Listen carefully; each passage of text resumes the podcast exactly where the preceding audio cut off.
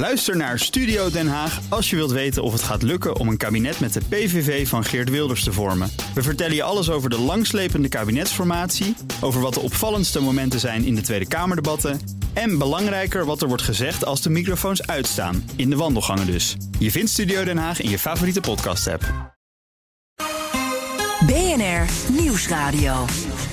Boekenstein en de Wijk. Zon, zee en even geen corona. Maar alle andere rampen. Trump, Brexit, China en natuurlijk de Derde Wereldoorlog. Misschien heeft u dat vaccin helemaal niet nodig. Arend-Jan Boekenstein en Rob de Wijk. Besmettelijk negatief in de Boekenstein en de Wijk zomerspecials. De deprimerendste afleveringen van het afgelopen seizoen. Met straks een vooruitblik op rampjaar 2020. De tweede helft. Dan mag je dus hopen dat die Iran-deal weer terugkomt als Biden uh, in het zadel wordt uh, geholpen. Maar eerst wat vooraf ging.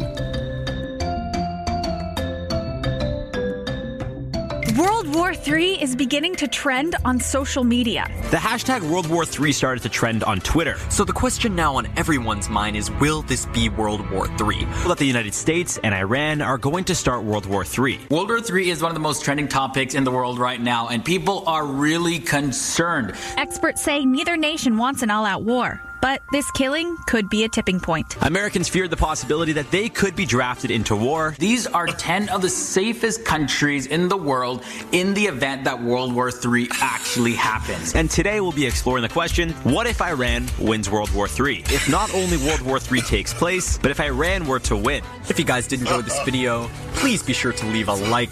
Thanks for watching, and I'm out.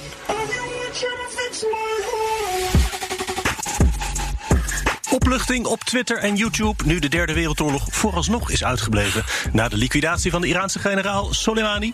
Hoogste tijd voor Boekenstein en de Wijk op zoek naar de nieuwe wereldorde. Met in de studio, hier naartoe gekomen vanuit zijn schuilkelder, Arend-Jan Boekenstein.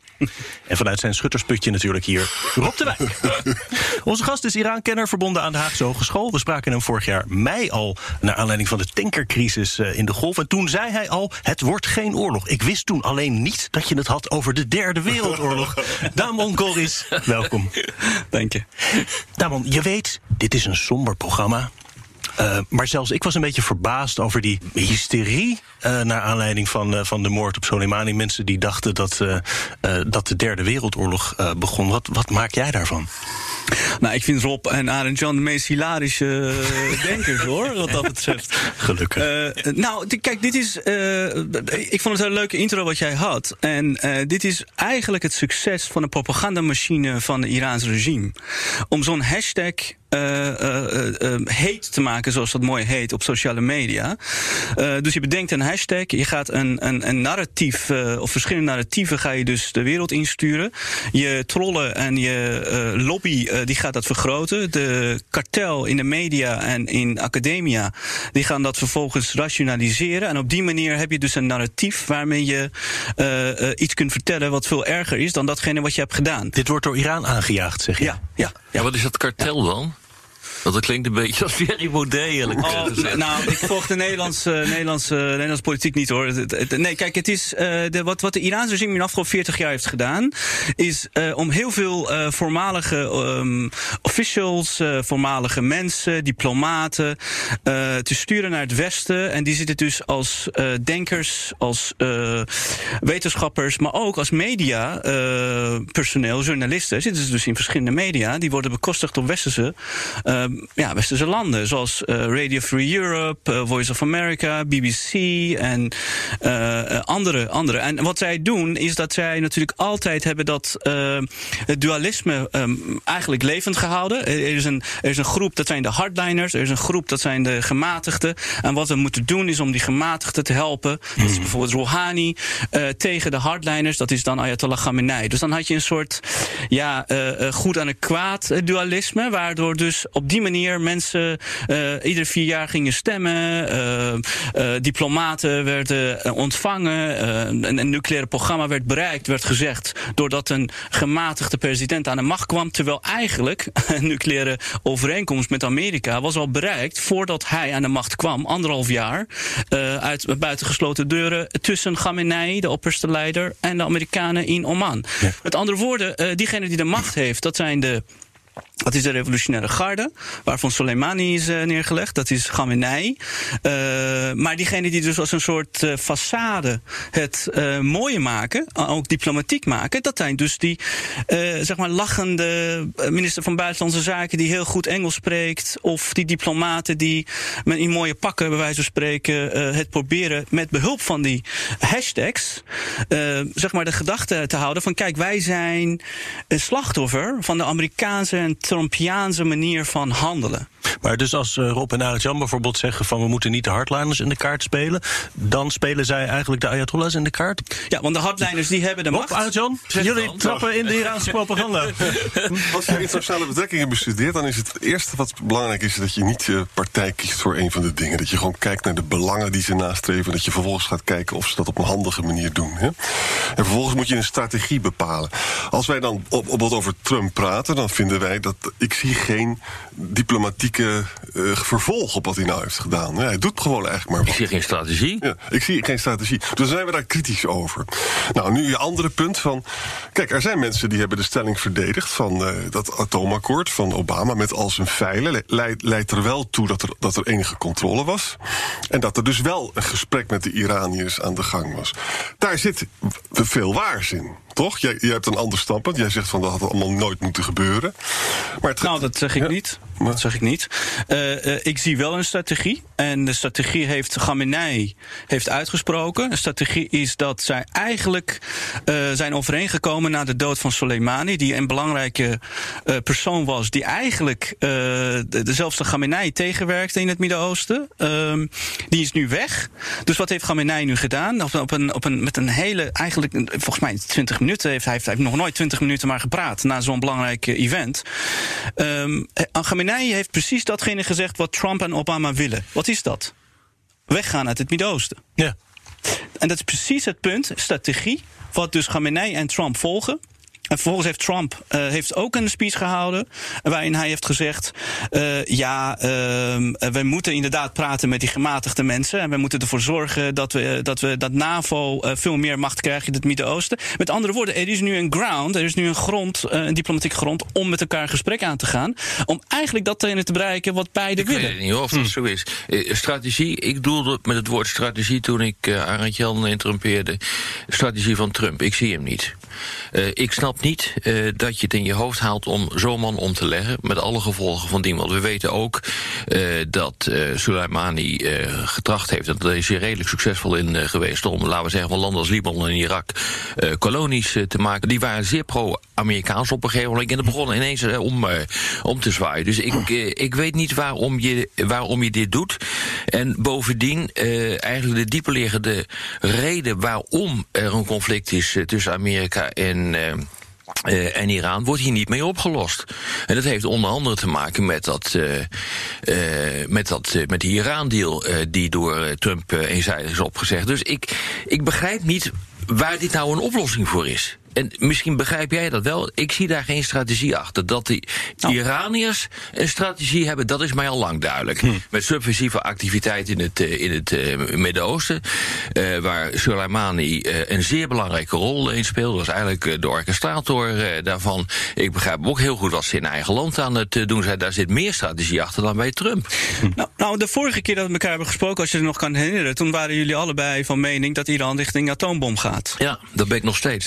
Um, en, en, en, er is nu weer een nieuwe stap gezet met de aankondiging dat ze zich nu helemaal niet meer gehouden voelen aan nou, die Iran-deal. Ik, ik, denk het niet. Uh, ik denk dat zij zich uh, uh, juist op, een, op, een, op een hele duidelijke, feitelijke manier hebben laten zien dat zij dus al die propaganda die ze dus niet kunnen waarmaken. Kijk maar naar hoe ze hebben gereageerd op de dood van een tweede man die belangrijk is voor het land, maar ook niet alleen voor het land, maar ook voor heel Midden-Oosten. Voor dat Shiïtisch terrorisme is hij eigenlijk omgelegd. Hij is geen vervanger voor.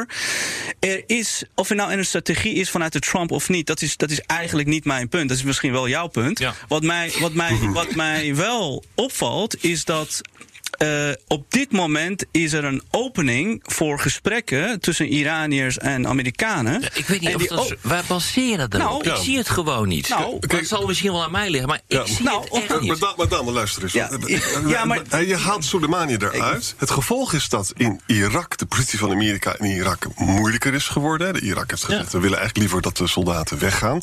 Nou weet ik ook wel dat dat, dat ook allemaal niet zomaar kan gebeuren. Maar dat lijkt me een verslechtering.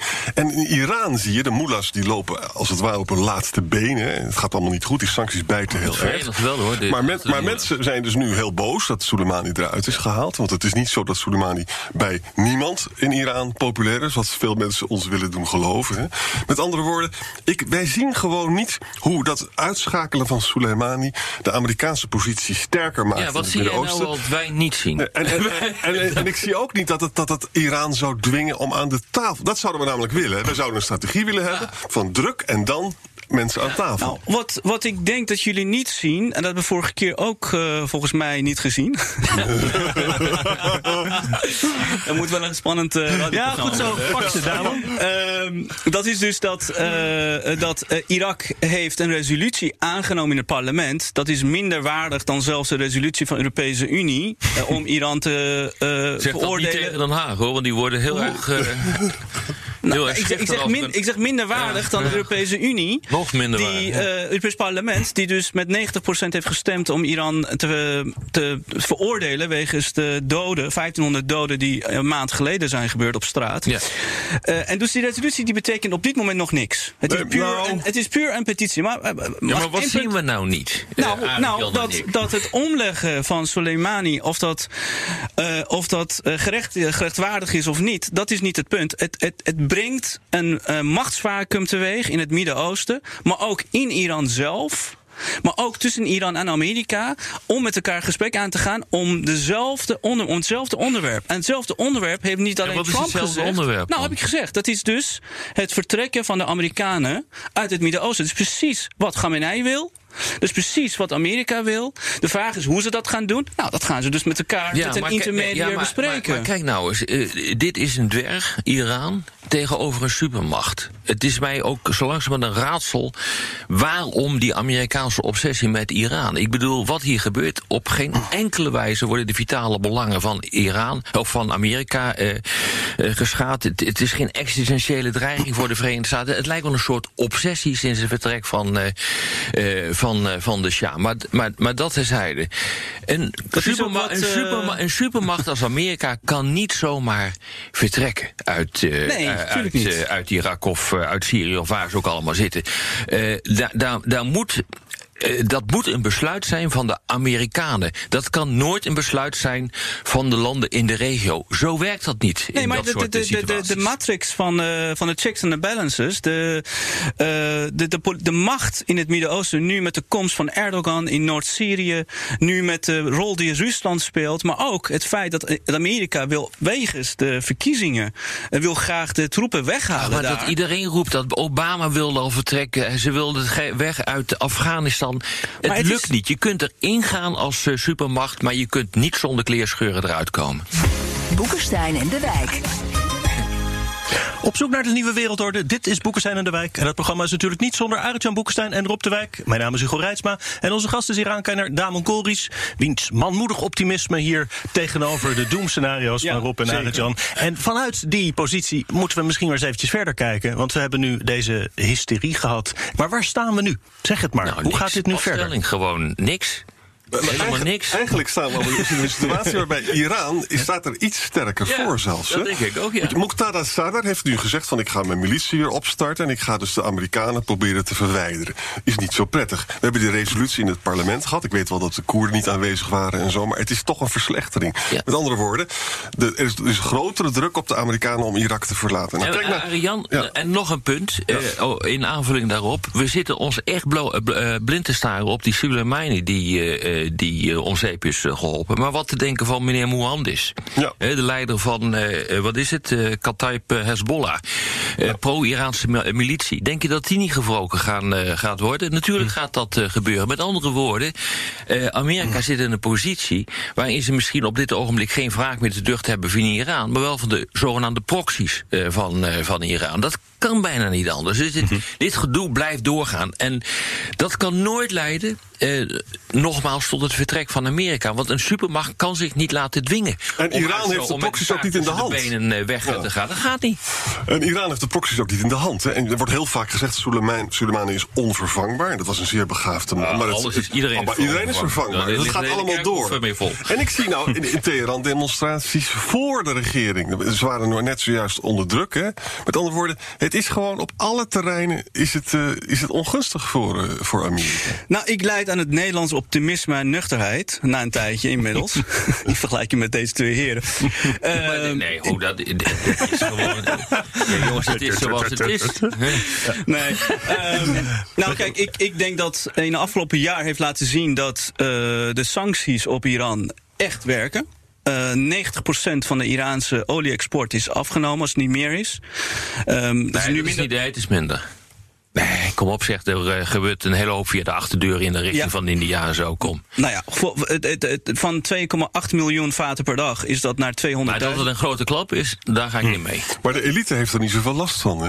En de geschiedenis van sancties is ook niet erg. Nee, eh, ik bedoel, eh, tijdens in de jaren 90 sancties tegen eh, Irak, eh 50% achteruitgang van het BBP. Saddam Hussein bleef rustig zitten.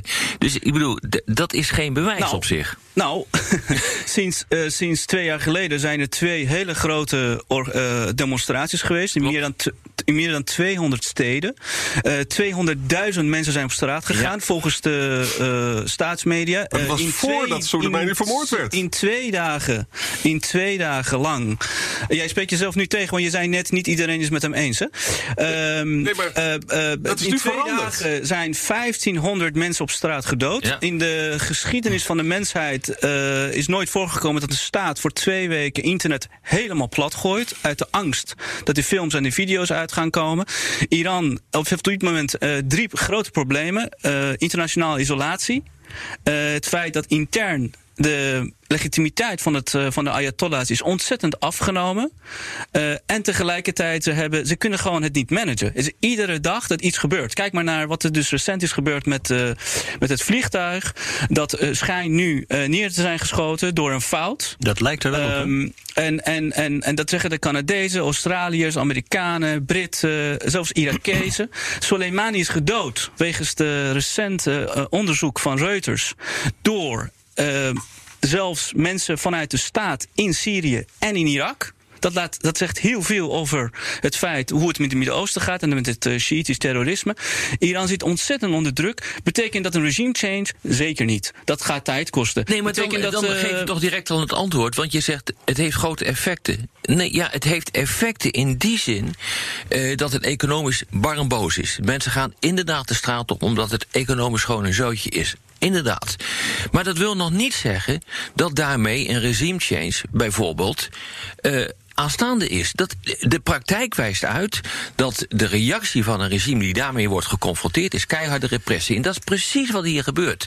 En zijn het is goed nog nooit gebeurd uh, door, dat een uh, regime verdwijnt door middel van sancties. Nou, dat zeg ik ook helemaal niet, dat het regime gaat verdwijnen. Nee, maar ik zeg dat alleen dat dat wel er... wat, wat Trump wil. Dus in die zin is het, is het een verkeerde strategie. Nou, je zei net dat er geen strategie, strategie was. En nu zeg je dat het een verkeerde is. Trump heeft gezegd, dat is een doelstelling, dat is geen strategie dat uh, het regime weg moet. Dan zul je een strategie moeten Nou, dat hebben. heeft Trump die nooit gezegd. Dat heeft hij absoluut Nee, gezegd. nee. Oh, absoluut. Nee. Dat, uh, hij heeft ook uh, geroepen van ze moeten weg uit het, uit het Midden-Oosten. En uiteindelijk wil ik daar vanaf. Dat heeft hij in het begin gezegd. Vervolgens heeft hij dat weer teruggebogen zoals gebruikelijk. Om dat allemaal wat te verzachten. Omdat hij niet op directe rampkoersen wilde komen met, de, met de Ayatollahs. Maar dat heeft hij gewoon in het begin gezegd. Ja, maar hij heeft, hij heeft nooit in zijn. In zijn niet alleen. Dat heeft Pompeo over niet gedaan. Ze hebben geen policy van regime change. Dat hebben ze gewoon niet.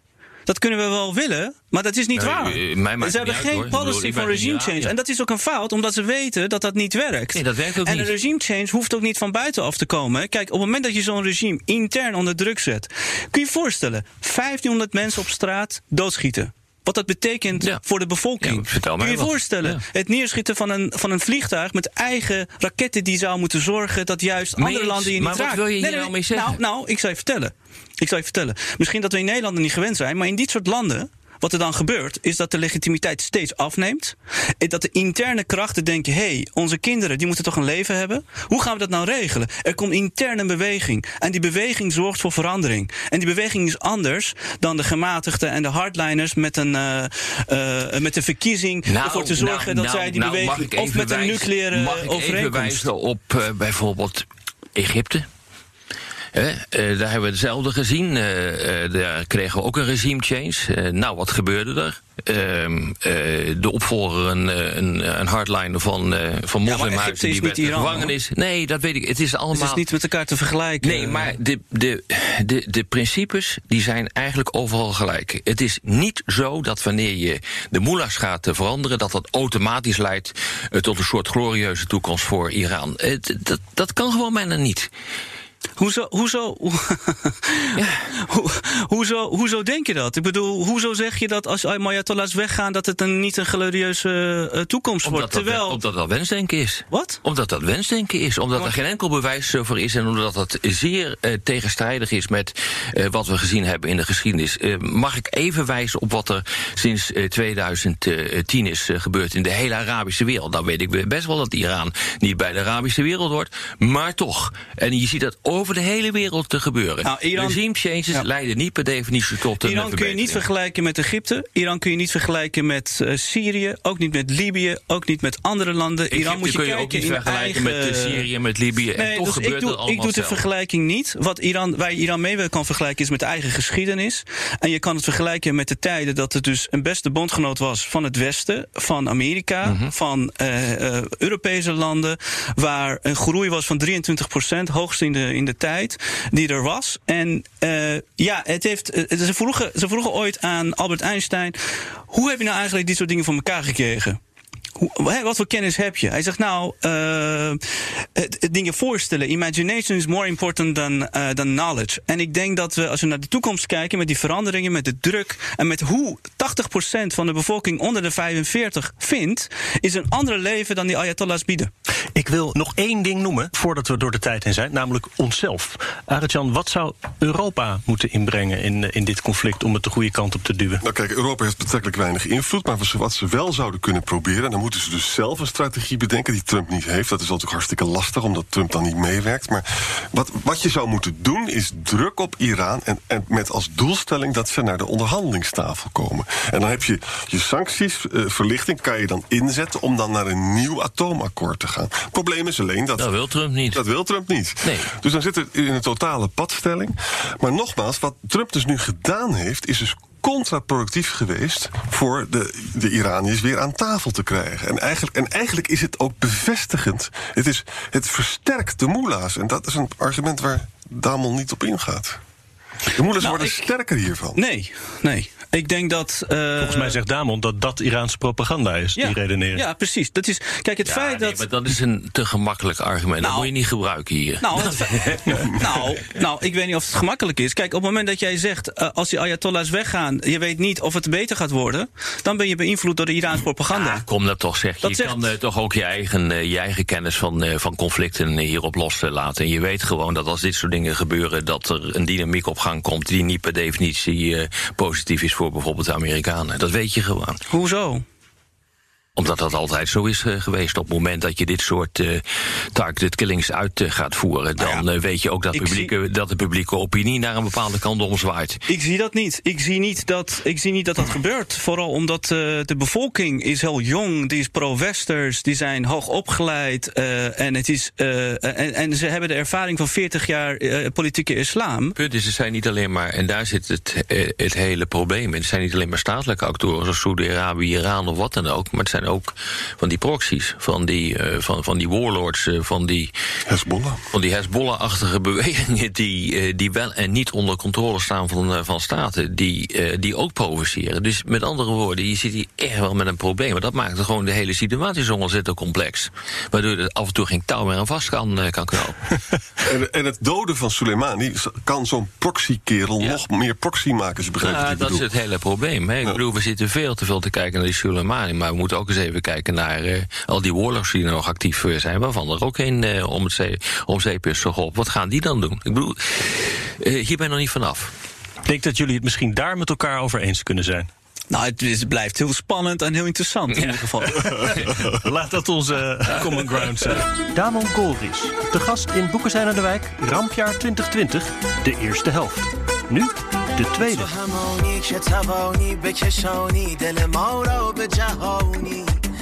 Nou ja, Jan, we hebben eh, uitvoerig gesproken in eh, onze uitzending over regime change, de verandering van het regime in, uh, in Iran. En de mogelijkheid, uh, of de onmogelijkheid om door middel van sancties dat, onder, uh, dat re regime to, zodanig te ondermijnen dat het implodeert.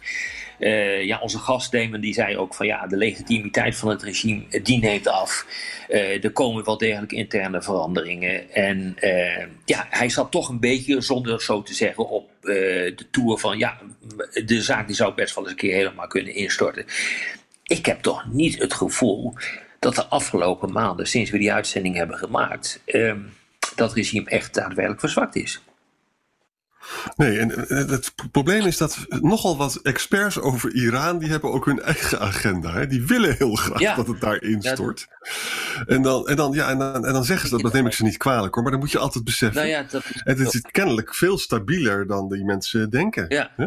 Ja, en ook daar zie je dus weer eh, dat met name eh, China een steeds belangrijke rol gaat uh, spelen. Pompeo, de minister van Buitenlandse Zaken, die heeft al gezegd dat is toch echt linkersoep uh, wat daar gebeurt. Ik vind eerlijk gezegd ook wat we, de, wat we de afgelopen tijd hebben gezien met de nieuwe oefeningen, ook tussen Iran en China.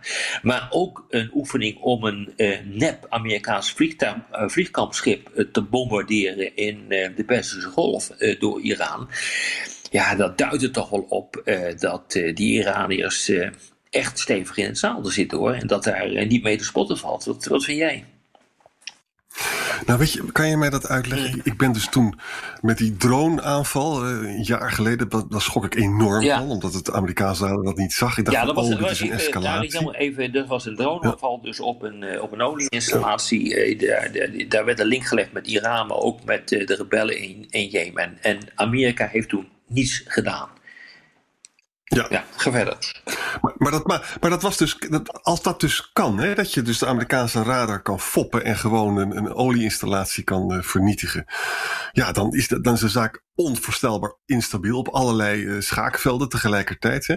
Wat ik me nog steeds afvraag van, stel je voor dat ze dat nu ook doen met een Amerikaanse tanker of zo ja, dan, dan moet Amerika, moet op een gegeven moment gaan reageren. Wat is, wat is nou het Iraanse belang om dat soort wilde acties te doen? Macht. Uh, ik denk dat uh, je al heel lang kunt zien dat uh, Iran erop uit is om een belangrijke speler te worden in de, in de regio. Er zijn eigenlijk drie kandidaten om de dominante macht te worden in die regio. Dat is Turkije, maar dat is eigenlijk onder Erdogan feitelijk van de rails gegaan. Dus die lukt dat ook niet meer. Die is veel te veel bezig ook in het noorden van Syrië. Nou, dan blijft over Saoedi-Arabië, die dat zeker zou kunnen doen, en Iran. Nou, daar speelt dus ook de nucleaire dimensie een hele belangrijke rol in. Want ik heb begrepen dat nu ook Saudi-Arabië uh, steeds harder uh, zit na te denken over, uh, over kernwapens. Hè? Over ja. het, het, maken van ja. grondstoffen waarmee je uiteindelijk kernwapens kunt, kunt fabriceren. Dus Iran en Saudi-Arabië zijn, de, zijn denk ik de belangrijkste spelers. Maar precies door het punt wat jij net noemde, uh, namelijk dit, uh, die, die aanslag op die olieinstallatie. En toen, waarop ik zei, Amerika heeft toen vervolgens niet gereageerd. Vervolgens hebben de Amerikanen ook niet gereageerd in het noorden van, van Syrië. Toen de Koerden onder druk kwamen te staan. Die hebben gezegd, nou ja, Koerden bekijk het maar. Het is later wel weer teruggedraaid, maar toch. Je ziet dat Amerika door de belangrijke landen in de regio niet meer als een geloofwaardige wordt gezien. En dat betekent automatisch dat Iran veel meer armslag uh, gaat krijgen in dat hele spel wat op dit ogenblik wordt uh, gespeeld. En zich gewoon kan permitteren. Uh, om, een, om een provocerende aanval op een nep vliegkampschip van Amerika uit te voeren. En ook kan provoceren door heel hechte relaties aan te gaan met China.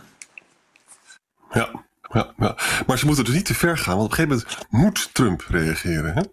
Als je het te bond maakt, dan moet hij wat Ja, maar dat gaat hij niet doen, want En- de verkiezingen staan er aan te komen. Dus nog een paar weken, een paar maanden voor, eh, voor de verkiezingen. En die gaat echt geen oorlog eh, beginnen. En, Trump heeft ook nou niet echt de neiging om oorlogen te beginnen. En ik denk dat dat ook wel heel goed wordt gezien in een, eh, in een land als Iran. dat je dus redelijke speelruimte hebt. Eh, eh, het is redelijk zeker dat Trump niks wil. Nou ja, dat betekent dus ook dat je gokken kunt eh, nemen. Die gokken kunnen trouwens ongehoord slecht uitvallen. maar je kan het wel Ja. nemen. Ja, maar het zou natuurlijk een veel slimmere strategie zijn om nou te proberen. eh, als je nou gewoon een ander beleid zou voeren, dan zou, zou Iran van die sancties af kunnen en dan zouden ze een economie kunnen ontwikkelen. Dat zou een veel duurzamere weg Ja, zijn. maar dan moet je dus niet nu- die ja. Iran-deal gaan opzeggen, wat dus eh, ge- gebeurd is door eh, Trump. En dan mag je dus hopen dat die Iran-deal weer terugkomt als Biden eh, in het zadel wordt eh, geholpen. En dat er dan een normalisering eh, kan plaatsvinden van de betrekking tussen de Verenigde Staten en Iran. Gebeurt dat niet, dan hebben we dus echt een probleem hoor. Dan blijft het doorgaan en dan speelt, de, speelt Amerika gewoon geen rol meer. De kans wordt groter dat Trump gaat verliezen. Hè? De kans wordt groter. Ja, ja. Ja, hij loopt aardig achter op dit ogenblik. Maar ja, ik bedoel, we hebben dat eerder gezien. Grote verschillen. Ehm, ik eh, moet eh, altijd denken aan wat er gebeurd is met Clinton. Die lag ook behoorlijk voor. Daarvan zei iedereen ook van eh, Trump die gaat niet winnen. Maar hij won het toch. Dus je weet niet wat hij uit de hoed haalt om dit nog voor elkaar te krijgen.